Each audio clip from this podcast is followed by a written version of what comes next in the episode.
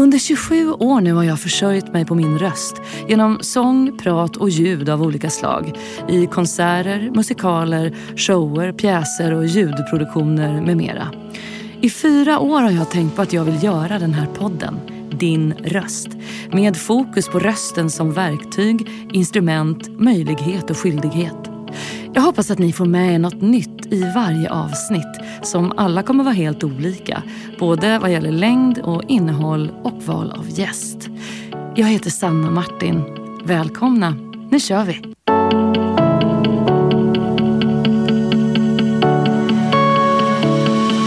Din röst.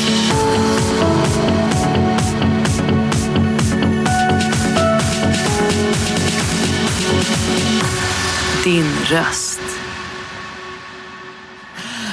Då börjar vi Maria. Välkommen till min podd Din röst, Maria Värme. Tack så mycket Sanna Martin, kul att vara här. Ja men du, det var väl på tiden. Ja, Jag har ju verkligen. försökt några gånger. Kan man säga. Ja, det var verkligen på tiden. Jättekul att du vill vara med och höja din röst hos mig. Jag vill ju göra en podd om hur vi använder våra röster på olika sätt. Inte minst eftersom det faktiskt är valår och vi ska använda en slags demokratisk röst också. Jag har hundratals exempel på när människor behandlat mig fruktansvärt illa och förminskat mig. Det handlar om allt från syokonsulenter som hävdat att jag aldrig kommer att få några jobb som skådespelare till teaterlärare som i stort sett har vägrat att undervisa mig. Det är maktstrukturer som är ständigt närvarande. Det råder en tendens i samhället att marginalisera och förminska det som vi inte förstår, är rädda för eller tycker känns obekvämt. Det här är ett citat från en intervju du gjorde för ett par år sedan. Känner du det som ett ansvar för dig att vara en röst för något alla faktiskt inte förstår eller är bekväma med? Ja, numera. Numera, absolut. Jag höjer gärna rösten för de som inte kan eller orkar göra det själva. Men från början, det är sprunget ur en passion. Det är sprunget ur att jag ville jobba med teater. Det var mitt enda fokus. Jag ska bli skådespelare. Mm. No matter what. Och det var helt egoistiskt. Jag hade ingen tanke på någon, att jag skulle hjälpa någon annan på något sätt. Nej. Eller så här, bli betydelsefull som en förebild eller någonting sånt överhuvudtaget. Utan det var bara, jag vill spela teater, jag älskar teater, jag vill vara skådespelerska. Det är den passionen som det kommer av. Sen har det personliga liksom på sikt, eller längs vägen kan jag säga, blivit eh, en politisk handling. Det blir ett statement varenda gång jag ställer mig på scen. I och med att jag är den jag är. Mm. Och den du är, ska vi ju säga, det är ju, Är ju att jag in- en rullstolsburen skådespelerska. Ja, att jag inte står på scen utan jag sitter på scen. Ja. och det gör du med den äran. Det gör jag. Och jag är väl en av de få, det finns några stycken, vi ska inte glömma dem. Men jag var, i alla fall vad jag vet, första tjejen. Det ska vi komma in på, Ja. givetvis. Du, ehm, hur var skoltiden för dig när du var barn? De första åren var underbara. Jag gick i så här pytteliten så kallad RH-klass för rörelsehindrade barn i Skanskvarn i Årsta. Och det var jättekul. Vi var bara fem pers och fick ju verkligen så all uppmärksamhet man kan drömma om. Du vet. Och så här jättebra undervisning. Plus att vi faktiskt på schemat, bara i vanliga skolgången, hade vår teater en gång i veckan. Nej, är det sant? Ja, så det triggade ju verkligen mitt teaterintresse. Ja. Så, Men du är uppvuxen här i Stockholm. ja. Så kunde du liksom må bra i skolmiljön som litet barn, men blev det svårare sen? Jag mådde verkligen bra ettan till trean. Sen i fyran så var det eh, så kallade normalbegåvade barn då, i, som började mobba mig. Och så fyran till sexan var jag mobbad just på grund av mitt funktionshinder. Och det tär ju på en, det gör det. Och liksom tryckte ner mitt självförtroende oerhört. Men sen tack och lov när jag började i sjuan sen i en ny skola i Skärholmen, då gick det bra, jättebra igen. Liksom. Så att det var bara ett par år där. Under mellanstadiet som det var som mest känsligt. Mm. Annars har jag haft det väldigt smärtfritt vad gäller mobbing ska jag säga. Mm. För det, jag pratade med Lycke, min dotter som är 12, i Ja. morse om att jag skulle träffa dig. Hon följer dig på Instagram. Ja. Och hon sa det, jag sa så här, har du någon fråga du skulle, du skulle vilja ställa? Liksom? Har du något som du är nyfiken på? Och så tänkte hon en stund och sa så här, ja, kan du fråga? Jag kanske klipper in hennes röst här, kommer jag på nu. Men det kan vi se. Ja, men då hade hon en fråga. Och då frågade hon, eh, kan du fråga om du har svårt att få kompisar? Första åren kan jag tycka det. Mm. Det kan jag tycka. Att det var liksom lite så här För jag var ganska ensam om att sitta i rullstol. Liksom. Ja, och du är ju född 75, Ja. som jag. Ja. Vi är lika gamla. Eh, och detta, så du gick i skolan på 80-talet och Ja. framöver. Ja. Mm. Men jag kan ändå, det beror lite på vilka miljöer vi pratar om här. I skolan var det lite svårt. Då var lite så här, ja, jag var mycket ensam på rasterna och så här, Mm. eh, liksom höll mig för mig själv också. Jag, man ska också komma ihåg att jag var ganska tystlåten då. Inte som jag är nu när jag pratar hela tiden och verkligen tar plats och tar fokus. Så. Men då, när jag var liten var jag väldigt blyg så då hade jag ganska svårt att få kompisar faktiskt. Mm. Men sen gick jag också på en förskola parallellt, alltså innan då innan de första åren, då hade jag jättemycket vänner. Så det har mm, egentligen i, inte berott så mycket på mig, utan mer så handlat om vilka miljöer jag hamnat i. Mm. Alltså vilka typer av människor jag har mött helt enkelt. Ja, just det. Som så inte, alltså hur pass öppensinnade folk är. Liksom. Ja, exakt. Men hur var du när du var yngre då? Eh, Du sa precis själv att du var lite mer tystlåten. Mm. Men hur är det här med att tala inför andra och använda rösten liksom inför grupp? Hur har det varit för dig? Åh, det var det värsta jag visste när jag var liten. Jag var så nervös. Alltså det där som jag mådde illa varje gång man skulle ha föredrag. Och det roliga är att då vi ska återkomma till den här vår teaterundervisningen. För det första som händer när han kommer upp på besök den första skoldagen. Då säger han så här, hej jag heter Kjell, jag ska undervisa er i teater en gång i veckan. Så här, Vilka är ni? Och då påstår han, jag kommer inte ihåg det själv, men att jag säger så här, hej jag heter Maria och jag ska bli skådespelerska när jag blir stor. Nej. Han bara, jaha, men då är det nog bra om du kan komma fram ur det där skrymslet du sitter i. Om du ska liksom våga framträda för massa människor så måste du också våga visa dig. Ja. Jag minns inte det här själv. Men har du fått det här berättat för dig? För, av honom ja, absolut. Nej, men det här är så Vi har häftigt. fortfarande kontakt så det är jättefint. Nej men gud Ja. vad fint. Vad heter han? Kjell? Kjell Stjärnholm. Nej men det här är det bästa jag hör. Mm. Vi har pratat i ganska många avsnitt om just det här med vikten av förebilder och människor som peppar och säger något Verkligen. bra. Att det kommer man liksom aldrig glömma. Ja. Och det sitter kvar. Och då, för dem kanske det var så här någonting de bara sa på lunchrasten, lite så här hej hej. Eh, liksom, men det gjorde en jätteskillnad för dig Det i ditt gör liv. verkligen så. Och jag träffade honom en gång i veckan mellan ettan till sexan och det, liksom, det gjorde hela skillnaden. Um, Wow. Sen ska man ju komma ihåg att mitt teaterintresse det började alltså redan när jag var fyra. Mm, det här är min nästa fråga. Så shoot, Ja. hur började din kärlek till Ja, teatern? herregud, det är liksom, man tror ju nästan att jag har haft något liv innan där jag har varit engagerad i teater. För att jag visste redan från allra första början att det var det jag skulle hålla på med. Fyra år var ganska Ja. liten. Vad, vad, fick du liksom gå på teater då? Var, såg du något som gjorde... Ja, jag minns att mamma släpade mig till Folkan vid Östermalmstorg. Ja. Och vi såg den här familjemusikalen Annie. Med Pernilla Wahlgren i huvudrollen faktiskt. Jajamän. Och de här barnhemsbarnen. Och jag gick med min bästa kompis Pia. Och jag minns att vi i flera veckor efteråt så terroriserade de här barnen på dagis med de där låtarna från de här musikalerna. Och skulle liksom bädda ner dem och de skulle vara barnhemsbarn med dem. Vi, vi var liksom Miss Hannigan då. Och skulle Gud. styra. Ja. Men det är ju det. Liksom, ser man någon tv-serie liksom, så härmar man ju den. Eller? Mm. Ja, det är ju så barn verkligen. har gjort i alla tider. Och nu framför allt med allt utbud som finns. Ja, så det är klart att ni tog med det till skolan, Precis. tänker jag. Och det var precis, det var så här, jag var ju bara fyra bast. Och jag minns ändå att jag frågade så här, jag tyckte den här världen var så fantastisk. Jag bara satt där i den där sto- sammetsstolen där och bara sögs in i den här magiska världen. Och jag minns att jag frågade mamma så här, vad är det här liksom? Och då berättade hon lite mer så här, det här är teater och de som står på den här scenen de kallas för skådespelare. Det är liksom deras jobb. Då var jag så här, va? Kan man jobba med det? Nej, Det vill jag göra när jag blir stor.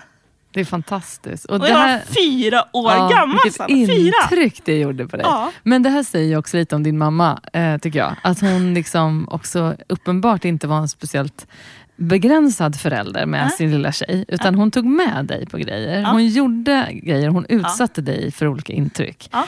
Eh, för du har växt upp med din mamma, Verkligen med min mamma bara. Mamma Ja, och mormor. mamma och mormor, Ja. här i Stockholm. Absolut. Ja, och du och jag, vi möttes ju på Teaterverkstan 1996 när vi gick i parallellklass, ett års teaterstudier. Eh, ja, mitt intryck av dig, det var ju att du var förbannat cool, som framförallt Lady Macbeth i vår slutproduktion, kommer jag fortfarande ihåg. Du satte liksom ribban rätt högt, kommer jag ihåg, för ni hade ju premiär före vår klass. Uh, ja, det var faktiskt väldigt fräckt. Um, du är rapp i käften, en stöttande kollega som ofta kommer att kolla när andra gör saker. Och du gör själv för ditt namn, tycker jag, värme. Har du haft svårt att lita på din inre röst om att du faktiskt är på rätt väg? När det gäller just det så måste jag faktiskt svara nej. Det är så coolt. Berätta. Jag har hela tiden vetat det. Sen har jag utsatts för massa skit på vägen. Som har gjort att jag känner såhär, nej jag orkar inte, det är inte värt det. Nej. Om jag aldrig någonsin får den här credden tillbaka, aldrig någonsin får liksom, uppmärksamheten, ehm, berömmet som jag tycker att jag förtjänar för att jag är. Jag vet själv att jag är en bra skådespelerska. Men om man hela tiden får stånga sig blodig och blir ifrågasatt och inte får det utrymme som man försöker kämpa sig till. Till slut så börjar man tvivla. Alltså jag har hela tiden vetat att det var rätt väg. Men jag har tröttnat på att folk inte inser det på andra sidan. Alltså mottagarna. Och till slut har jag känt så här. Det kanske är jag som har fel då. Kan det vara så att jag kanske har fel? Jag kanske är skitdålig. Jag kanske bara går och inbillar mig. Men det är bara korta stunder. Sen har jag alltid fått bekräftat igen att nej, men du är på rätt plats. För det är lite grann så här, Sanna, att så fort jag har försökt hitta så här någon annan väg, typ att kanske så här plugga något teoretiskt eller ja, plugga lite journalistik, för jag tycker väldigt mycket om att skriva och så här, prata med människor, eh, intresserad av mänskliga psyket och så vidare.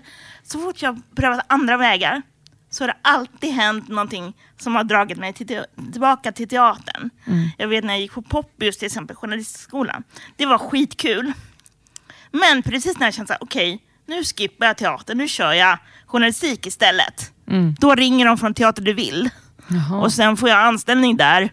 Först ett år, sen flera år till. Liksom. Ah, just Så det, på något sätt är det Ja. som att det är liksom jag ska vara på det här spåret och Ja. det, det blir alltid uppenbart. Ja, men jag tror vi är många som håller med om att du ska det, och av många anledningar. Men det är ju det här, vi, jag, jag vill verkligen, som jag sa till dig när jag frågade dig om att vara med, eh, så Mm. vill jag verkligen att vi ska kunna lyfta på lite stenar idag, spränga lite fördomar Mm. och reda ut en del begrepp. För att även om jag, eh, som är lika gammal som du, Mm. eh, och liksom, eh, en av mina första nära vänner när jag var liten hade Mm. down syndrom. Jag tror att jag liksom är hyfsat fördomsfri, Mm. men ändå är det såklart inte så. Jag har självklart fördomar som Mm. jag bara tror jag har i mig, som jag liksom inte knappt är medveten om. Mm. Och Det är de där fördomarna kring hur en skådespelare på en teaterscen till exempel ska se ut, eller kan se ut, eller hur vi rör oss. Eh, det är de där grejerna vi måste vända och vrida på Mm. lite idag, för att folk ska förstå vad mycket som kan vara en kamp som vi Mm. normalstörda inte vet om. Eller vad man säger. Ehm, du har varit den första skådespelaren i rullstol som har studerat på Teaterhögskolan. Du var först eh, att vara verksam som rullstolsburen skådespelare på Dansens hus, Unga Klara, Norrlandsoperan och både Stockholms stadsteater och Dramaten. Ja. Du har ju själv, eh, men då är min fråga ändå så här, hur har du bemötts i de här sammanhangen utifrån dina förutsättningar? Jag tycker att så fort jag har kommit upp på prof- professionell nivå så har jag bemötts väldigt bra. Det var liksom vägen dit till- att få det första stora jobbet som var det mest problematiska, ska jag säga. Vilket var det första stora jobbet? Eh, det var ju på Stadsteatern, men det var fortfarande på ideell basis. Men det var första rollen. Liksom, på, um, det var ett ytterstadsprojekt på Stadsteatern som hette Ett slag i hjärtat. Aha, okej. Hur Som- länge sedan är det här nu då? Det var här var 96. Så det var Det var alltså precis när vi hade... innan just- teaterverksam mm, faktiskt. Innan till och Ehm, med. Just okej. Precis. Först var det det jag gjorde och det, det gick jättebra. Men sen när jag skulle in på Kulturama, för jag ville vidareutbilda mig, Mm. då var det totalstopp. De, var så här, de kunde inte förstå vad jag gjorde där överhuvudtaget. Sa de det öppet till dig? Det var så här, de bara ja. Jag minns att de sa så här, hur, hur, hur har du tänkt dig det här då? En, alltså när du sökte in, var det som en jury som du Ja, fick spela upp ja, för? ja. Och då säger en av de Ja, lärarna så här, ja. hur har du tänkt dig det här? Okej, redan där har vi en del Det är att lära. liksom att det är inte det här välkommen att söka, vad roligt. Liksom. Sen så fanns det jättebra människor där också, det ska jag verkligen säga. Så det, det handlade bara om vissa röster. Men som var så här, det fanns en tydlig skepsis. Liksom. Och att redan på en förberedande utbildning sätta så här, nej, vet inte det. Så här, Mm. Vad är det för attityd liksom? mot en människa som är liksom 20 plus och bara vill pröva sina vingar? Liksom. Jag skulle inte säga något om det var Dramatenchefen, men... men Fast det skulle jag i och för sig också. Men, Ja. men nej, jag förstår vad du menar. Vi Ja. kan inte sätta, liksom, punktera folks visioner och drömmar så när man ska liksom, förbereda sig Nej. inför någon annan utbildning på Ja. den nivån när man är 20. Det är ju helt bisarrt. Jag måste sticka in en grej också, för redan innan där, alltså långt innan, när jag skulle söka teatergymnasiet, så ville jag söka till Södra Latin. Och då minns jag att jag gick upp där och så sa de så här, ja, visst får du söka, säger studierektorn, men jag pratade med vår rektor idag han hälsar att du inte är särskilt välkommen här, men du kan ju söka. På riktigt. Ja. Och det Det här är alltså här alltså- tidigt 90-tal när vi Ja, sökte in på början på gymnasiet. 90-talet, så det är verkligen inga som jobbar där nu. Men det är ändå så här att det ens sades. Är så här, Ja. ja, hur, kommer du eh, ihåg hur du kände dig då? ja, jag fick alltså inte ens visa mina introduktioner, eller fick och fick, men eh, ja. Du skulle, det de föreslog var i stort sett att du skulle slösa bort din och deras tid för att få spela upp och prov, prova in. ja, Men de sa redan i förväg att du inte är särskilt välkommen att börja. välkommen. Jag minns det. Herregud, jag dör. Att rektorn hade hälsat det via studierektorn. Ja, jag, jag För då var det, något, det var något med att de inte hade någon hiss till teaterlokalerna och ditten och datten. Men grejen var att de såg det som mitt problem, inte deras. Alltså vi har, vi har ja, nu var det här ett tag sedan, visst, men vi har ju lite att jobba på i samhället. Tack och säga. lov så börjar det bli länge sedan nu. Mm. Men det jag ofta tycker, generellt när det gäller människor som avviker på något sätt, är att problemet, problemet alltså frågeställningen det gäller, läggs i knät på den det berör. Det är inte de som bemöter som måste ta ansvar för sitt beteende, utan det är vi som behöver hjälpen som måste se till att vi får den. Det, där är, det är så viktigt det du säger nu. Det är precis som att det skulle vara ditt ansvar, hur du är född. Men du, jag ska fråga dig också. Du har ju suttit i rullstol sen barnsben. Ja. Du, eller barnsben. Du är född med en CP-skada. Ja. Ja. Och eh, det här är ju någonting som vi vet att det är klart att det kommer innebära någon form av, av liksom annorlunda livsvillkor utifrån det din kropp är kapabel till. Men hur, i vilken utsträckning skulle du säga att folk liksom har talat över ditt huvud eh, under åren? Liksom, upplever du, förstår du vad jag menar? Ja. Att liksom, har du alltid känt att folk liksom utgår lite från att du är lite dum? Mm, det händer ganska ofta. Fortfarande? Ja, och jag tror att det är... Jag tror att det fortfarande hänger samman med det här så att man sa, ofta i alla fall på 70-talet, så här CP-barn och, och det var liksom jävla CP-unge och sånt. Och det, att det fortfarande finns kvar i människors medvetande. Liksom. Att det fortfarande ligger kvar. Så jag väldigt, alltså, väldigt sällan jag pratar om att jag har en CP-skada, så nu outar jag ju det här då. Det är många som vet det ändå, men, så jag skäms inte för det på något sätt. Men det är ändå så här, jaha, kommer folk stämpla mig som dum då? Direkt då? Att Jag tror att det, vi, har, vi har kommit eh, en kvart, inte ens det, jo lite mer i samtalet. Jag tror att alla som har lyssnat hör att så är icke fallet. Och jag tänkte på det, jag jobbade på sommarläge för rörelsehindrade barn och ungdomar inom en organisation som heter RBU när jag var ung. Eh, samtidigt som jag gick på Balettakademin så jobbade jag på sommarläge där. Och då lärde jag mig jättemycket om olika funktionshinder och funktionsnedsättningar och variationer. Men då lärde jag mig också att man säger inte att du är CP-skadad. Man säger Nej. att du har en CP-skada. Ja, precis. Tycker du själv att det känns som det är jäkligt viktigt för dig att det liksom kommer fram, att det är så man säger? Ja, Eller hur det- känner du? Det, annars, blir, annars blir det så... Då känns det som att det är så riktat till mig om Ja. jag är CP-skadad. Ja. Medan om jag har en CP-skada, det är ju att, någonting som jag har drabbats av. liksom. Exakt, så Det är himla viktig viktigt. skillnad. Det tycker jag också. Ja, Och jag kommer ihåg att det var som en aha-upplevelse när man Mm. liksom fick förstå det här, tyckte jag i alla fall. precis. Men du, nyligen avslutade du en spelperiod på Dramaten eh, av Ja. pjäsen Liv, död, sexpop. Eh, och eh, då, det här var ju en period som blev, Dramaten blev omskriven på grund av den här handikapphissen. Den här rullstolshissen. Och då kände jag direkt när det här blev en debatt att den här vackra anrika Dramatentrappan pryddes av en så här glasmonterhiss för att rullstolsburna givetvis skulle kunna ta sig in på teatern. Ja. Förr i tiden fick man typ gå sceningången om man hade vet. rullstol. Det var Ja, nog helt bisarrt. Men du, ja, det här är ju din förtjänst. Det måste ju varit det. att de liksom vaknade till lite, att de hade en vi- vi ska också rullstolsburen lyfta mina två andra skådespelare. kollegor som också var rullstolsburna Ja, som var med i berätta. pjäsen. Eh, Marlene Bergqvist och Kristin Bylund. Jag snackade De om att de ska upp. Mm. Ja, heja er. Heja För att ni, det var ju ni tre upp, det hade ju aldrig hänt Ja. utan er. Nej. För att om de har er på scenen Mm. så be- behövde de ju göra hela teatern tillgänglig för alla. Men det känns ju så typiskt Så att folk är så in- förbannade på hur hissen såg ut. Nej, men Som att det är det viktiga. Nej, men, nej, men det, tack och lov tycker jag, det tänkte jag faktiskt på, Mm. att det var många eh, liksom kollegor som inte sitter i rullstol som faktiskt sa så här, nu får ni väl ge er. Liksom. Att det var många som tog ner den här debatten Mm. på, på marken och bara så här, spelar ingen roll vad det är för hiss. Liksom. Jo, jag vet också. Jag skrev också något inlägg om det på Facebook, vilket jag väldigt sällan gör om just sådana här grejer. För jag tycker, ja, man behöver inte outa allt på fejan. Men, men eh, det blev så absurt på något sätt att, att debatten skulle handla om det. Inte så här, hur fantastiskt det var att vi tre tjejer hade lyckats ta oss in där på Dramaten. Precis, Hade ingen kunnat skriva någon artik- stor artikel om det då? verkligen. Det, vilket genombrott vi gjorde där. Ja, det gjorde Tillsammans ju. med Tove Salin som ansvarig för produktionen och Mattias Andersson. Mm. Vilket jävla...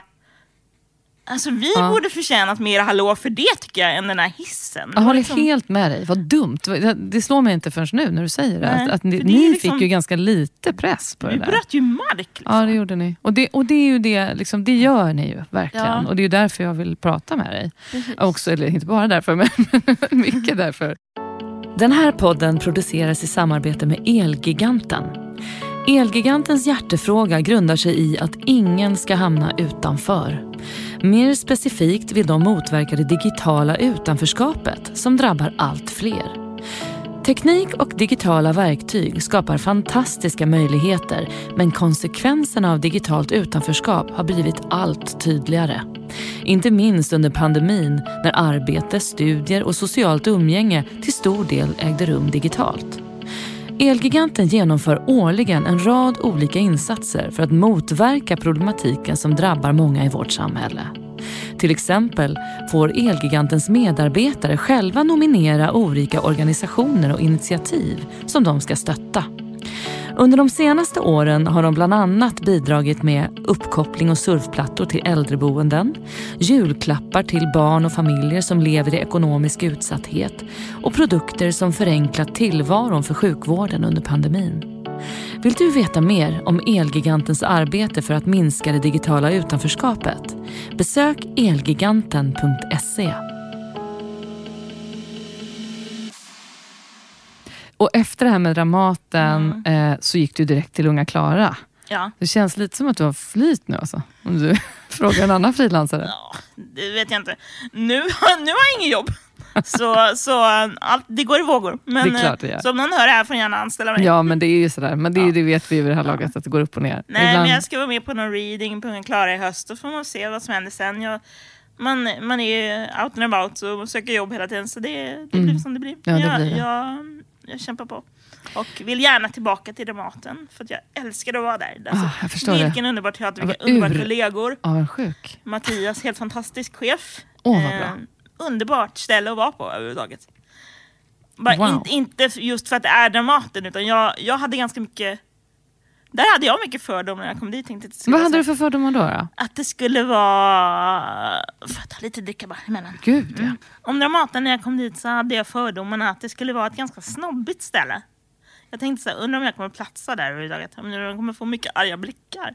Tänkte du typ på det här med bildningskomplex? Typ att här kommer jag, bara jag har bara gått det här och inte gjort det här. Eller Ja, sådana också, grejer. Också, jag tänkte så här, vad ska vi, ska vi funkisa in på Dramaten nu och bli någon slags så här, vet inte, objekt som folk ska titta på för att det är lite spännande och lite exotiskt. Så här. Men jag tyckte det blev jätte, en jättefin produktion Mm. och fick, jag fick jättebra bemötande av alla kollegor. Det var helt varm stämning. Aldrig haft så roligt på en arbetsplats någonsin. Liksom i ensemblen och inte i huset överhuvudtaget. Träffade jättemånga fina människor som inte ens var med i min produktion. Liksom, som fortfarande är mina vänner. Så det är, Fantastiskt att höra. jag vill jättegärna, jätte, jättegärna tillbaka dit och inte just för att det är Dramaten utan för att det var så mysigt att jobba där. det. Mysigt är rätt ord. Och det är nog inte ett ord som jag hade förknippat med Dramaten Nej, innan. men faktiskt inte kanske nu när du säger det jag heller. Nej. Så nej, men, vad otroligt kul att få lyfta Ja. den sidan av det huset. Ja,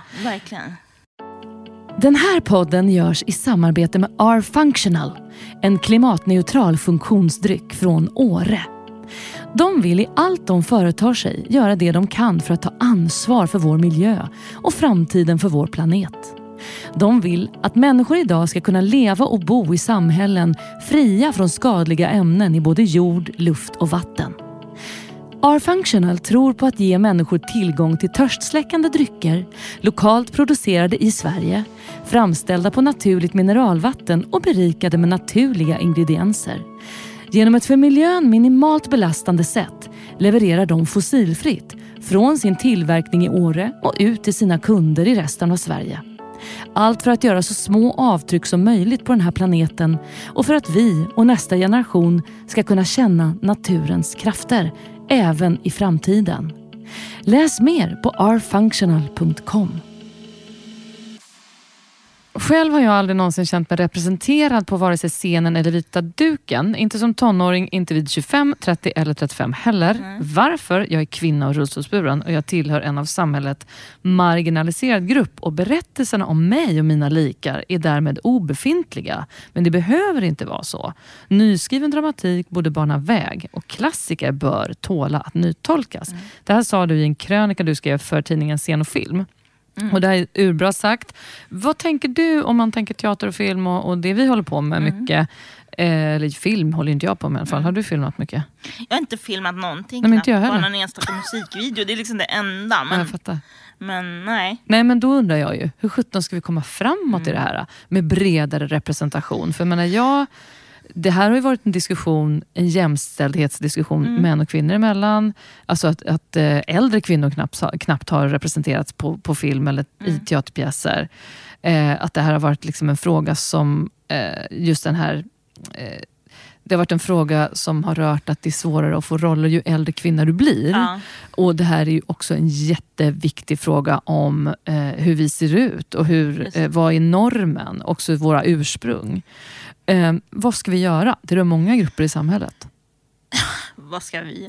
Ja, om jag visste det, mm. då skulle jag bli Ja, men det här är, det är fakt ja, mm. faktiskt, men det här är svårt. Mm. För Jag tänker också som utövare så är det svårt att eh, ställa krav, men som konsument så kan vi ställa krav. Mm. Tänker jag.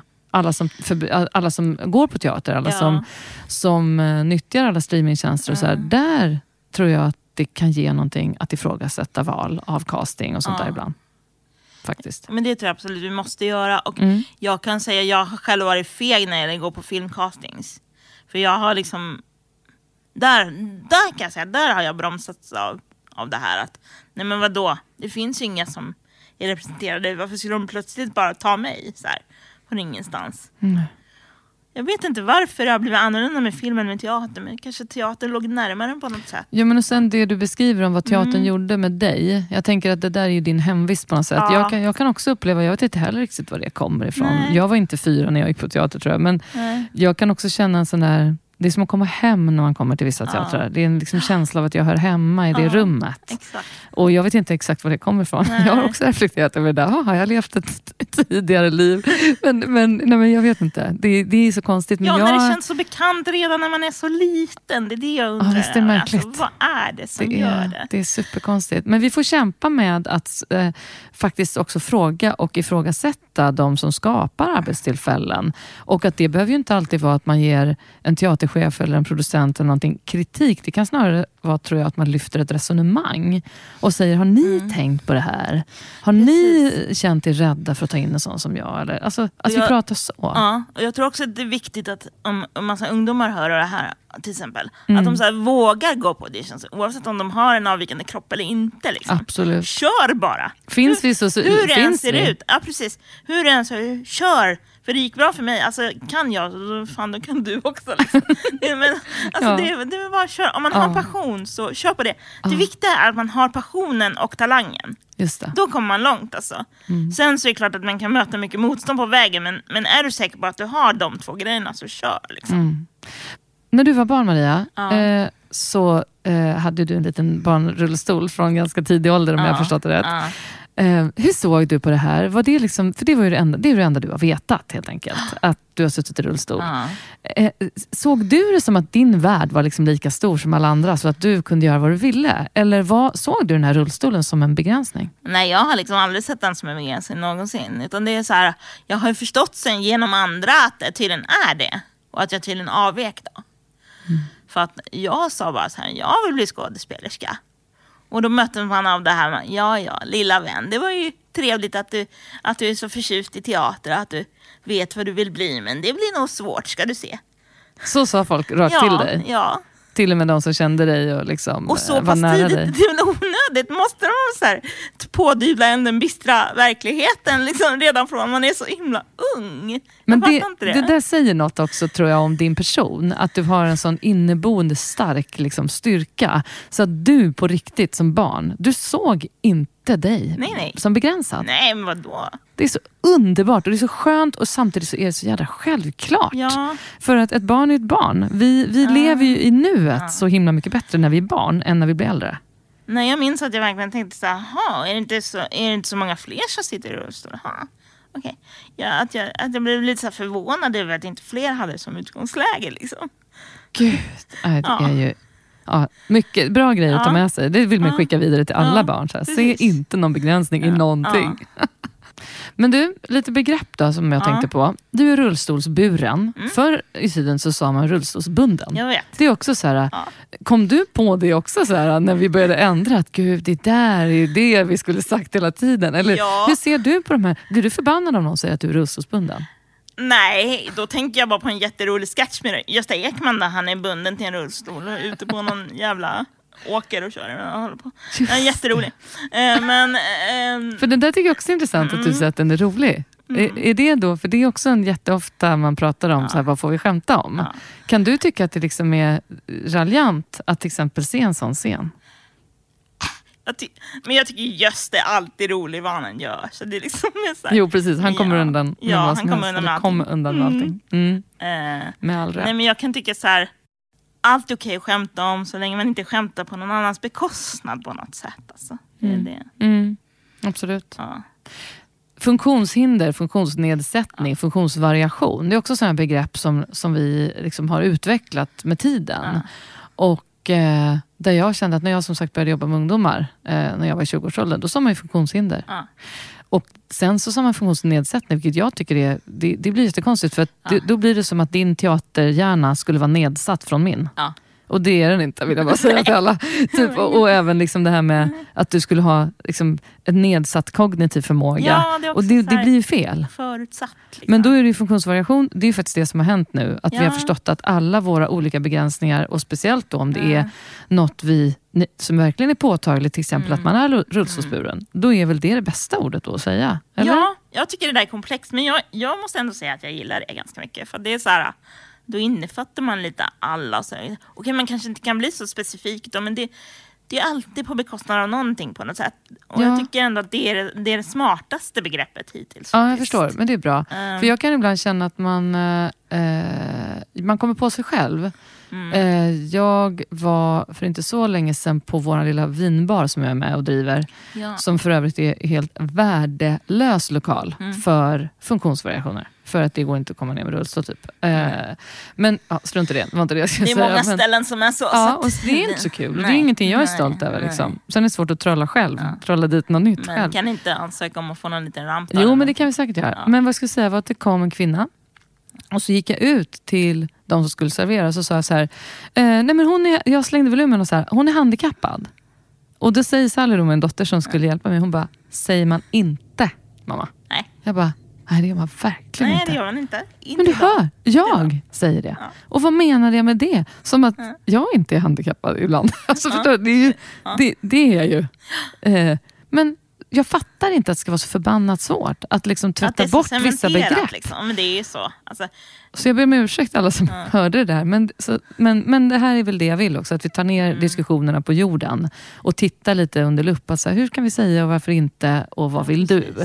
Men du, jag tänkte på det vi pratade om, om det här med att du eh, har under ganska lång tid haft känslan av att många har liksom talat över huvudet på dig och kanske riktat sig till din mamma eller din assistent om ni Ja, är ute eller någonting. Så Men hur, ja, och hur har du hanterat det då Maria? Liksom hur, vad har du lärt dig att göra i de situationerna? Ja, lärt och lärt. Det är så olika beroende på dagsform. Ibland så bemöter jag det jättebra med någon så här snärtig kommentar eh, som ibland inte ens fattas av mottagaren. Så Du är för smart. Så man undrar ju om, om det är liksom de som är dumma eller jag som. Ja. Ja. ehm, och sen vissa dagar så blir jag bara skitledsen och bara, måste ni fortfarande? Men säger du Har vi till inte då? kommit längre? Ja, liksom? och när du var liten då, så kunde du säga typ om någon pratade med din mamma, så här, bara, ja men hur, vad ska flickan ha? Eller alltså, vad det nu var. Kunde du säga så här, hallå det är jag som är flickan? Alltså, eller vad, hur hanterade du det liksom, under vägen? Ibland blev jag bara tyst. Mm. Ibland gjorde jag bara fuck you-tecken. Och ibland så uh, skällde jag ut folk. Det är väldigt olika beroende på en dagsform. Liksom. Men kunde din mamma också säga så här, nej men Maria du kan väl säga själv. Alltså, kunde hon så här, Ja, ja. bolla Ja, ja. till, till, hon är bollar jättemycket till så. dig? Ja, jo, ja absolut. Så. jag har träffat henne. Ehm, och sen också, eller det bästa strategin av den som följer med mig är ju att bara så här, titta bort. Så här, bara, som att jag är inte här. Nej just det, det var inte riktat till mig Nej, ändå. precis. Nej. Det, då, det är det bästa. För då, då blir de jätteförvirrade och vet inte vad de ska titta på. Alltså de som har sagt påståendet då innan. Ja. Blir helt konfysa och blir så här, va? Är det ingen av dem som vill prata med mig? Nej, gud, det är så knäppt alltså. Och det här måste ju också sitta Ja. så cementerat i oss på något sätt. Ja. Jag fattar inte att det ska vara så svårt. Men då, vi ska komma in lite på det här med vardagen. Ja. Och eh, i, eh, vi sitter nu, ska vi säga också, för det hörs kanske, att vi sitter i ett konferensrum, en våning under jord på Hotell Scandic Malmen mitt i Stockholm vid Medborgarplatsen. Och vi fick en konferenslokal som heter Metro. Och det hör man ju varför. För det går i tunnelbanan. Tunnelbanan. hörs ju rejält här genom väggarna. Eh, om det är någon som störs av det. Men vi, vi försöker prata förbi det. Ja. Och med oss här i rummet så sitter din assistent Jessica. ja. Eh, och då undrar jag, vad behöver du om du skulle beskriva för folk som aldrig har träffat dig? Vad behöver du hjälp med i vardagen? Det me- mesta praktiska. Det mesta praktiska. Allt du kan tänka dig. Från att liksom... Ja, det, som du ser, jag är sminkad. Jag behöver hjälp att måla naglarna. Mm. Få på mig smink och allting. Jag behöver hjälp att klä på mig. Jag behöver hjälp att duscha. Jag behöver hjälp att tvätta hår. Allting. Du kan tänka dig. Toa också. Mm. Och du behöver hjälp nu ibland när vi pausar och du dricker. Precis. Så kommer Jessica så att det blir rätt för dig. Ja. Allting man kan tänka sig. Eh, Som en del brukar skriva så här i annonser så var det någon som skrev så här. Från att eh, ta upp en pennkork till att eh, vändas på nätterna. Typ. Okej. Och det är Och- så allting. Så du och du får också då hjälp med att lägga dig i sängen inför Ja, natten? ja. Mm. Och på natten, då sover du typ hela natten eller behöver du hjälp med någonting under natten också? Då behöver jag hjälp att vända mig på natten och eh, även ibland om jag behöver gå på toa eller dricka någonting. Mm. Och har inte jag någon där, ja, du kan tänka dig själv, alltså, Mm. det skulle inte funka. Nej. Och då ska vi prata lite om den här oerhört allvarliga frågan Mm. assistans. Eh, jag pratade om detta ganska mycket i avsnitt sju när jag pratade med Bengt Westerberg, den gamla folkpartiledaren. Då pratade vi faktiskt lite om dig, fast i Mm. allmänna ordalag.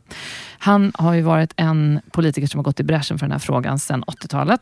Och eh, LSS står alltså för Lagen om stöd och service till vissa funktionshindrade. Mm. Jag reagerar på den titeln. Jag tycker den är konstig. Upplever du att den är konstig med vissa funktionshindrade?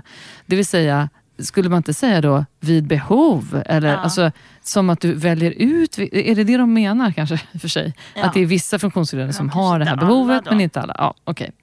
75 700 personer var det som under hösten 2021 var i behov och utny- utnyttjade Mm. systemet med att ha personlig assistans. Det är alltså om folk tänker sig ett och ett halvt fullt Friends Arena.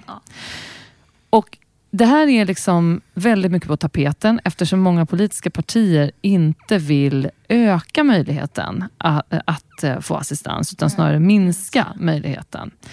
Och om vi bara liksom i breda ordalag be, f- belyser hur viktigt skulle du säga att det här är för dig? Det har du redan sagt egentligen. Ja, ganska Ja. så. För att du behöver hjälp med allt. Ja. Ja. Eh, Det handlar om överlevnad. Precis. Och inte bara överlevnad. Det handlar om liv. Ja. Det är, liksom, det är en sak att, att överleva, att få vatten och, och mat. Liksom. Mm. Men sen vill man ju ha, eller jag ska säga, inte man. Jag vill ha ett fullvärdigt liv. Mm. Där jag kan leva mina drömmar fullt ut. Där jag kan vara skådespelerska, där jag kan unna mig att eh, vara snygg, eh, sminkad, eh, fixad och eh, gå ut och träffa vänner och fika och göra roliga saker och resa och allting sånt där. Om inte jag har tillgång till assistans då kan jag omöjligt göra det. Då får jag ligga där i min säng och inte göra någonting. Och kanske kissa ner mig. Mm. Men jag tänker ibland att det kan, jag kan få för mig att, du kan, att, att man borde kunna känna sig lite utlämnad. Just det här med att en assistent kanske slutar eller behöver byta assistent eller söka nya. Och att, och att om någon inte kan eller så där blir sjuk så kan det avgöra helt hur dina dagar blir. Jo, det gör det. Och det är inte bara det som avgör heller. Det är också så här kemin. Hittar man folk man fungerar med? Och framförallt så kan vi lyfta det här också att, att ha assistent är inte så jävla enkelt helt enkelt. Att ha publik i sitt hem varenda dag, oavsett hur du mår, oavsett om du har lust att träffa någon eller inte, så måste du ha hjälp. Så du behöver ha någon där. För det är inte som att jag bara säger nej men jag, jag har inte lust att ha hjälp idag, så då behöver ingen komma. Utan det är snarare så här, jag, jag måste ju verkligen det, för annars förstörs ju hela mitt liv. Men att just det där behöva släppa in någon så att hela ens liv blir offentligt på något sätt. Det är liksom det är en sak när jag ställer mig på en scen, för då har jag liksom valt det själv, att bli betraktad. Men jag kan känna det i mitt hem, att jag känner mig som att jag har publik hela tiden. Det är jättebra att du beskriver det på det här sättet tycker jag. För att ibland i debatten så kan det ju låta som att så här, aha, men nu är det så många som... Det, det låter liksom ibland i vissa politiska diskussioner, inte, inte just nu med... ja, Nu är det ju liksom bara några veckor till valet, vi ska prata om det också, men det är ju inte där jag menar att det här debatteras främst, utan det är liksom i artiklar vi läser alla möjliga år om hur liksom många som behöver assistans och att det lite grann låter som att det har gått inflation i det. Och att många verkar tycka att det är så här skönt att ha assistans. Det är precis det du beskriver som är viktigt att förstå. Det är ingen som har önskat att ha det Mm. behovet. Jag ska berätta en sak. Jag skulle inget hellre vilja än att kunna klara av alla de här sakerna själv. Så är det. Sen är är jag jättetacksam att assistansen finns, det är inte det. Jättebra sagt. På din Facebook så har du berättat att du har varit rädd ibland för att öppna brev. Ja. Det vittnar om en slags myndighetsskräck som jag kan relatera till från mitt håll på andra, andra, i andra ärenden. Men där man känner liksom att man, man känner sig själv nästan som ett systemfel, för man är så rädd för vad det ska stå i de här breven. Ja. Ehm, och då har ju detta handlat om att du är rädd att bli fråntagen ditt stöd. Mm. Om du blev fråntagen det, vad, vad kan hända då? Vad skulle hända då? Vet du hur den liksom, situationen skulle kunna se ut? Alltså, Eller fråntagen kommer du inte bli Maria i och för sig, då kommer det minska. Nej, nej. Ehm. nej men mitt liv tar ju slut. Det är så. Jag kan inte ens gå in på det. Ah, Jag är så förbannad. Ah. Ja, men det är ju hela det här som är så sjukt. Mm. Att när du behöver någonting som mest, så ska du liksom behöva kämpa Mm. som hårdast. För det är ju för att jag har jobbat så mycket som de har sett att aha, hon har ökad inkomst. Vad beror det på? Okej, Just hon det. jobbar på två av Stockholms största teatrar. Och då har de dragit slutsatsen då behöver hon förmodligen inte så mycket hjälp som det ser ut att hon behöver. Just det. Men då glömmer de att du behöver hjälp för att liksom klä på dig. Och, så här. och sen behöver du hjälp på teatern. Ja, Och detta handlar om då att det är ditt yrke som du ska kunna utöva. Precis. Vilket gör att du får en inkomst, vilket gör att du bidrar till skatt. precis. Så att hela liksom maskineriet missförstås ju bara. För Ja, att de ser verkligen. dig på några bilder. Och de vet inte att min assistent sitter där hela tiden. Hela Är med tiden. bakom scenen Nej. hela tiden. Och det finns ganska många som kan berätta att, Ja, att det är så. jajamän. Mm. Alltså sekunden innan jag går in på scenen så fixar assistenten till min fot eller vad det nu är liksom. För att jag ska sitta bra när jag kör. Liksom. Men det här är också så himla viktigt tycker jag, att, att så här, den, hela den här grejen då, att bli ifrågasatt, gör ju också att, så här, men vad är det systemet vill? Vill de att ingen som behöver assistans ska arbeta? Ja. Det är som att jag vågar inte starta eget företag för då ser det ut som att jag är så pass kapabel så att då förlorar jag mina timmar. Hur nu de kan göra den kopplingen mellan arbetsförmåga och att behöva assistans. Exakt. Jag förstår inte det. Och precis som du sa att du gick på Poppius journalisthögskola, du skriver Ja. skitbra texter och krönikor. Ja. Eh, som att din, som vi var inne på tidigare, din kognitiva förmåga och din hjärna är ju inte dugg nedsatt. Nej. Men det på något sätt tas för givet att det är så. Exakt. Utifrån den bilden Ja. och normen som liksom råder Ja. i samhället. Och det är så absurt just att, att ifrågasättandet kommer när, när jag känner att nu börjar jag flyga. Då drar de undan mattan. För att i vår värld är det ju också så här, om man bortser från dig och mig och här och nu, Ja. så är det väldigt mycket så att vi har en tendens till att tro att alla som syns på tv och teater är jätteframgångsrika och tjänar skitmycket pengar. Hela tiden. Och det är, liksom, är ju inte riktigt så det ser ut. Nej. Det är ju verkligen en fördom kring offentlighet. Exakt. Men vi får se hur det går med det här helt enkelt. Vi vet inte om hur det kommer gå i just det här ärendet. Nej. Men eh, du kommer ju eh, fortsätta att göra allt du kan för att belysa din situation Ja. utifrån hur den faktiskt är. Och jag kommer fortsätta skriva texter och vara artist. Mm, klart det kommer. Och jag tror att det är många som kommer fortsätta backa Ja. dig och eh, dina lika. Ja.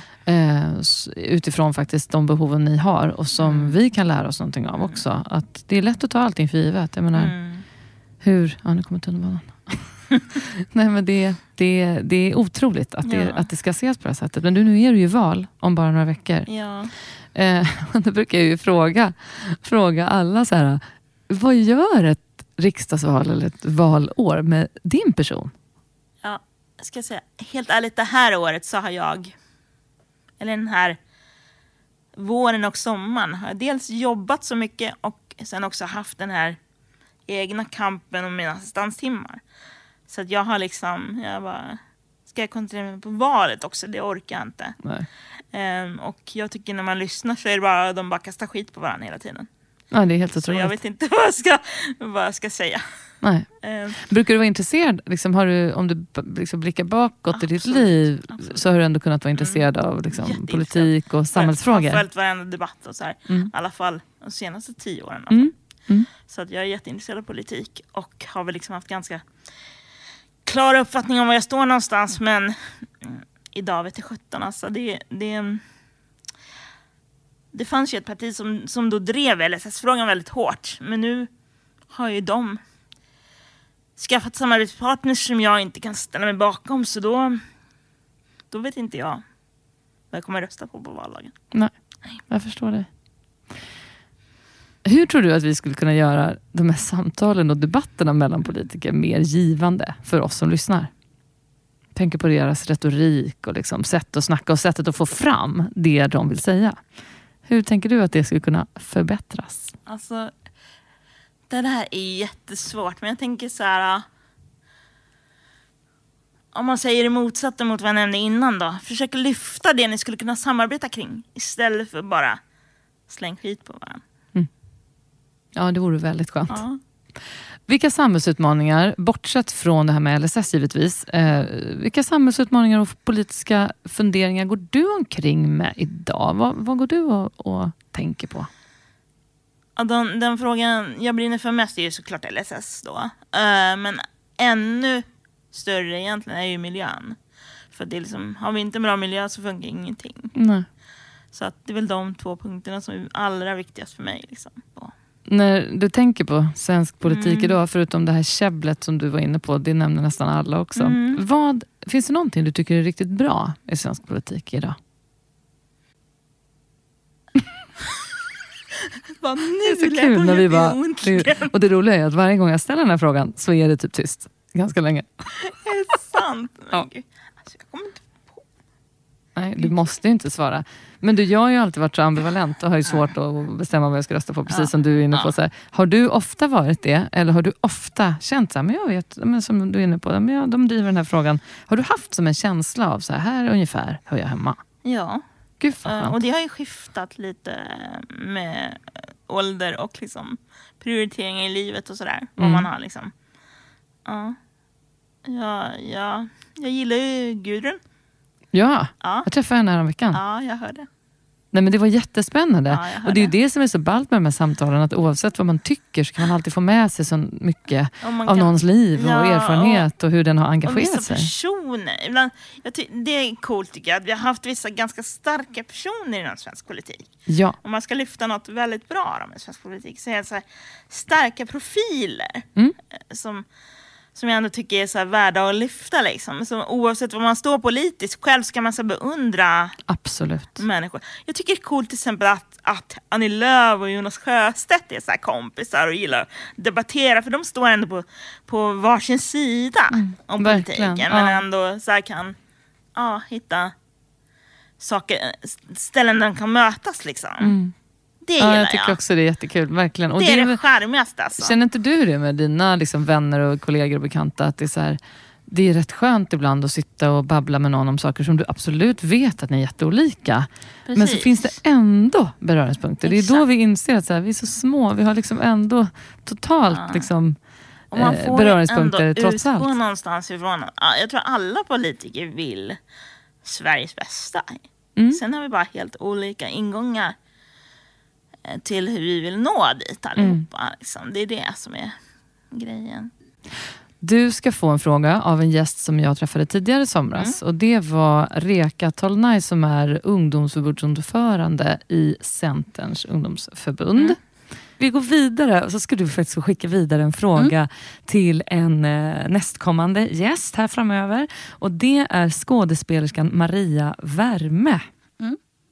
Ja, ehm, och jag kollade upp Maria. Jag visste lite vem hon var innan, men jag kollade upp inför den här frågan och jag tycker hon är otroligt inspirerande. Det är Mm. jätte, jättecoolt eh, att hon bara kör på. Eh, så jag hade velat fråga henne, för att vi pratar mycket om att man har liksom fördomar och, och allt sånt där. Ja. Men jag skulle vilja fråga henne vad hon stör sig mest på när det kommer till hur vårt samhälle pratar om rörelsehindrade.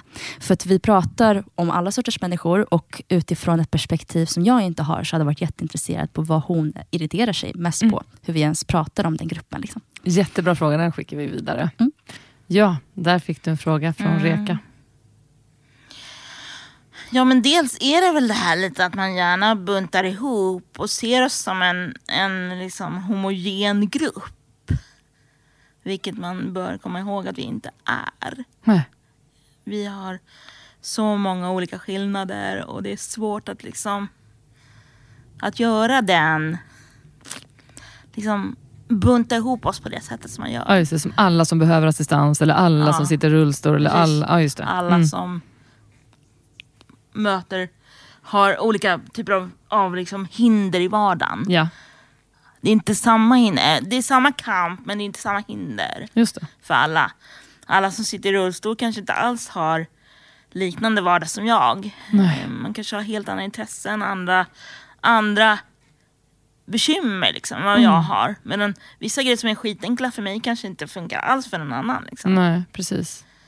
Så det, det stör du på? Att man ofta buntar ihop er som en stor grupp? Att det blir en homogen grupp. Mm. Och sen kan jag också, också tycka det här att man också tenderar att lägga, så, det som vi nämnde tidigare, att man lägger saker i knät på den det berör. Mm. Att det är så upp till oss att föra vår egen kamp hela tiden. Jag skulle önska att liksom alla slöt upp om vi till exempel anordnar en marsch, tillgänglighetsmarsch och så här, att många fler slöt upp kring det.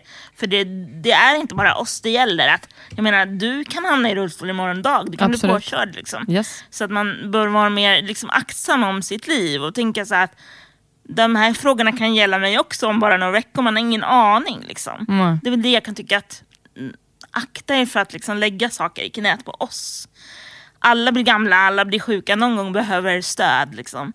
Så det ligger mycket närmare än vad man tror. Jag tror att det är någon form av beröringsskräck över det ämnet också. Man kanske är rädd för att man ska hamna där själv en dag. Det kan kanske vara därför man skjuter det framför sig hela tiden. Jättebra Och sagt. inte tar i det. Nej, det stämmer nog. Jag tror att det kan vara en del i det faktiskt. Ja, det tror faktiskt jag också. Men jag tänkte på det eh, häromsistens kring det här med Pride till exempel. Ja. Eh, att eh, liksom, jag har ju jättemånga olika sorters kollegor och vänner oavsett hur liksom, de ser ut eller vem de är ihop med eller Ja. oavsett om du står eller sitter i rullstol och så vidare. Eh, men och jag, jag är liksom 150 000 procent med i den kampen Ja. om att alla ska ha samma mänskliga rättigheter. Alla ska ha rätt att vara den de är, alla Precis. ska kunna älska vem de vill och så vidare. Det är en icke-fråga, det är mänskliga rättigheter och det är liksom Inget kan rubba mig i det. Ja. Men jag kan inte, känner jag ibland, ta kampen åt någon. Nej. Jag kan ta kampen med någon. Ja, det är det jag tänker också. Förstår du hur jag tänker då? Att man gör det tillsammans. Ja, och att Ja. det är så här, självklart kan jag, liksom, som du säger, så här, stå upp för den frågan som är Ja. viktig för dig, eller för den, eller för dem. Eller, eh, liksom, jag kommer ihåg jag skrev en text för många år sedan om um, förintelsen. Och liksom, eh, att, eh, ja, jag ska inte gå in i detalj på det, men just att då fick jag väldigt mycket gensvar från liksom, mina judiska kompisar. Mm. Att vara så här, tack för att du har förstått att så här, du kan inte förstå vad vi bär på och Nej, ångesten precis. kring våra förfäder. Men du kan vara med och berätta vidare vad du har hört. Och du kan vara med och belysa det som är viktigt för att föra oss framåt. Ja. Och det kan vi. Ja, Men till och med där finns det nog en beröringsskräck. För att man är också rädd, tror jag, att man inte förstår. Att vi inte ska räcka till med vad jag säger. nej precis. Och, men det kan jag tycka är så skönt om Ungen- Klara till exempel. För de har ju verkligen gjort en sån framåtrörelse nu när det gäller det och verkligen tagit sig an den tematiken också, funkistematiken alltså. Mm. Och eh, haft en jättestor produktion med blandad ensemble med olika funktionalitet, också så kallade normater om man nu ska göra den skillnaden då, mellan funkisar och normater, vilket jag hatar. Men säger man så? för- ja, Okej. ibland gör man det. Men det, Det har finns jag aldrig åt- hört. liksom. Normater. Men så här, vi blandade, blandade helt mixade ensemble om man säger så. Med Ja. alla, alla, sorters, alla sorter du kan tänka dig. Liksom. Och det var jättehärligt. Och just det här för att, för att vi menade då på att man kan inte föra kampen ensam. Nej, Utan man måste ha varandra. Liksom. absolut. Ehm, det är det. Men vad gäller just människor med olika funktionsvariationer Ja. som ges plats och har möjlighet att synas så i olika offentliga sammanhang. Vad tänker du att vi behöver göra för att liksom komma framåt på det eh, området? För att, det behöver inte ha med synlighet på en scen att göra i och för sig, men för att alla ska känna sig mer inkluderade. Hjälper det att vi pratar om det? Typ i den här podden. Hjälper Ja, det att vi ställer jag. folkliga frågor om saker som vi kanske tror att vi vet? Eller är det obekvämt att prata om det till och med för dig? Nej, men jag hoppas att det kan hjälpa. Sen kan jag tycka att det blir lite så här awkward att jag ska sitta här och bara så här är mitt liv, så här ser det ut och så. För det, så, som sagt, det kanske inte ser så ut för någon annan funkis. Det är så här, vad vet hon om mitt liv? liksom? Just det, du kan inte jag kan, representera jag någon kan mer bara än dig. utgå från mig, från mig själv. Precis. Men om vi blir många röster till slut, det var ju därför, det är därför jag kör liksom. Och eh, vi blir fler och fler liksom. Ja. Det är ju så. Och det gäller ju hela kvinnorörelsen och allting. Jag menar, ju, ju fler som sluter upp bakom. Mm. Och det är ju, jag har ju nämnt det tidigare i intervjuer och så att tystnadtagning har ju stor förtjänst i att jag har fått de jobben jag har fått. Alltså, hade inte det genombrottet kommit så hade inte, nog inte jag stått på Dramaten. Det tror jag inte. Nej, jag förstår vad du menar. För att det gjorde ju hela den rörelsen, för Ja. de som inte är insatta, gjorde ju faktiskt att alla eh, chefer, arbetsgivare, teaterproducenter eh, och så vidare fick faktiskt ögonen på sig Ja. lite grann vad gäller just det här att tänka bredare, Mm. tänka smartare kring vad vi representerar, vad det är som ska berättas. Eh, Precis. Så det förstår jag. Jag vet Ja. att det har varit så eh, för många och det har inte minst varit så eh, för våra kvinnliga kollegor som har ett annat ursprung. Verkligen. Där blev det ju banbrytande faktiskt. Och jag hoppas att det här inte är någon sån här våg bara för att vara lite PK. Utan jag hoppas att det grundar sig i ett genuint intresse, en genuin vilja att lyfta alla sorters kroppar och ansikten. Liksom. Verkligen, det är helt nödvändigt. Och det tänkte jag på mycket liksom från när vi var små. Eller Ja. sådär, att det fanns ju inte liksom så mycket representation i tv på 80, 90, eller 80-talet säger vi då. När, när liksom, att, att såg du någon på tv, jag kommer ihåg när, första gången jag såg Sonja Hedenbratt på tv. Ja. Som är liksom um, fantastisk jazzsångerska och då på den tiden när hon var på tv var det ju mer i komiska sammanhang. Men hon var ju liksom en, som en lyskraft och hade den här liksom ögonen som en lampa och var ganska stor. Så hon stack ju liksom ut eh, bland de andra tjejerna i tv-rutan. Liksom. Och det fick ju mig då som liten flicka bara, verkligen bara hoppa till. Och bara, vad är det där? Vem är det där? Vad, vad, åh gud vad hon var bra. Vad, vad hände där? För att det var något Precis. annat. Och det kan jag känna med våra ungar idag. Liksom. De måste ju också få se alla möjliga Ja. kroppar, ansikten, liksom, kompetenser, färger, allt. Det får inte vi vara rädda för. Nej, jag vet Och inte. tv är väl liksom, jag menar, framför tv för barn är ju bättre på det än typ så här, tv-serier för äldre eller liksom teaterproduktioner faktiskt. Nej, Jag saknade ju helt förebilder på, både på scen och i populärkulturen när jag var yngre. Och det är ju helt absurt för jag tänker så här, vadå är jag 90? Nej, det är jag inte. Så det är inte så långt tillbaka i tiden ändå. Alltså, det är klart det börjar bli det nu, men det är ändå Det är, det är konstigt bisarrt. att det har sett ut som det har gjort. Alltså. Ja det är det, när du säger det så. Men samtidigt så är jag så befriad nu, för nu, nu märker jag att jag börjar påverka unga tjejer som vill in i teaterbranschen och tycker det är jättecoolt och som hör av sig till mig. Och, så att jag är faktiskt lite av så här, eh, mentor till två stycken nu. Urfint det är det roligt alltså. Jättefint. Ja, Men har du fått på. förebilder på vägen? Eh, ehm, inte som är funkisar själva. Ska inte. Jo, en tjej på Bro- Broadway, Ja. Alice Stroker, hon är ascool. Så henne har jag sett på Broadway då, Ja. i Spring Awakening. En musikalartist. Just det, då vet jag vem det är. Ja. Mm. Men eh, förebilder, inte i min egen situation, inte någon som är rullstolsburen liksom. Men det, hur hur men kan det du känna med eh, nu om du är någons förebild? Det tycker jag är jättecoolt. Men jag känner mig också väldigt gammal då. Vi är inte så himla gamla. Ja. Men jag tänker att den bästa sortens opinionsbildning är ju Ja. den som får andra människor att tänka efter oavsett vad vi egentligen pratar om. Eh, utifrån det du vill belysa. Men vad, vad vill du vara med och påverka? Eh, Ett mer öppet samhälle vill jag ha. Där vi inte är rädda för det som är annorlunda. Bra svar. Finns det någonting du vet som du skulle vilja liksom väldigt konkret tala om som politikerna ska få reda på? Eller vad, jag kan formulera så här. Vad vet du som du vill att politikerna ska veta? Då säger jag bara så här kort och koncist. Sluta skära ner LSS. Mm. Det finns goda skäl till att liksom aldrig skära ner det. Ingen människa på den sidan som behöver hjälp mår bra i det. Att bli ifrågasatt, utredd, granskad under lupp. Vi som verkligen har genuina behov, som har skador från födseln ska inte behöva utsättas för stora utredningar gällande vårt behov av hjälp. När vi har fått dokumenterat en gång för alla att vårt tillstånd inte kommer att förbättras. Jag har ju fått det. Har man inte fått det så är det en annan sak. Då kan saker förändras. Men för mig, jag kommer aldrig bli fri från min skada. Och då tycker jag det är för jävligt att man ska utsättas för utredningar. Det tycker jag också. Det är ovärdigt. Det är ovärdigt Sverige Ja. 2022. faktiskt. Är du orolig för världen? Alltså det är klart man är orolig. Mm. Med tanke på hur det ser ut med miljön och med Ryssland och allting. Mm. Liksom. Men jag tänker så här.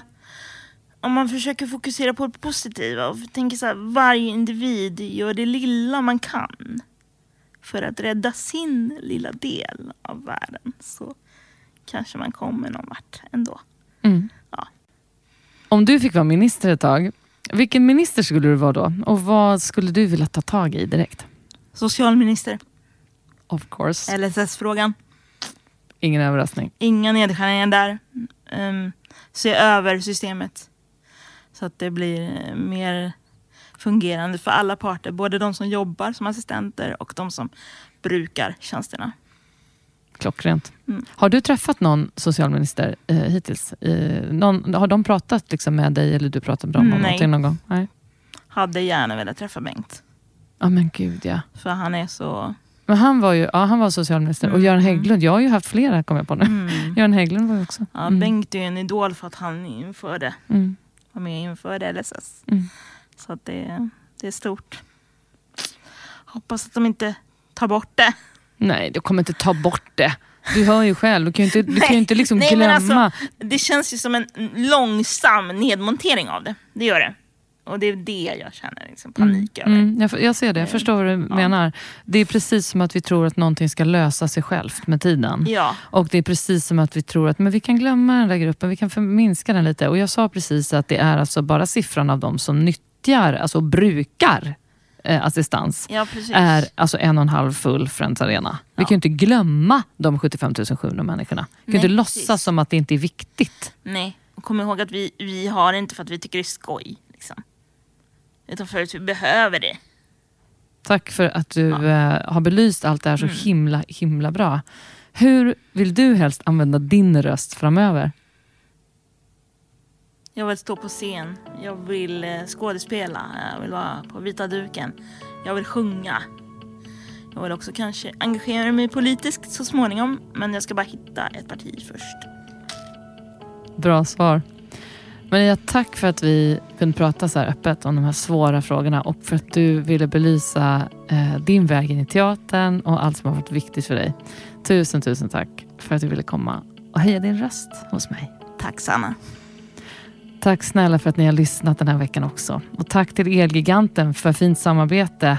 Tack R-Functional för att ni vill vara med och stärka det demokratiska samtalet.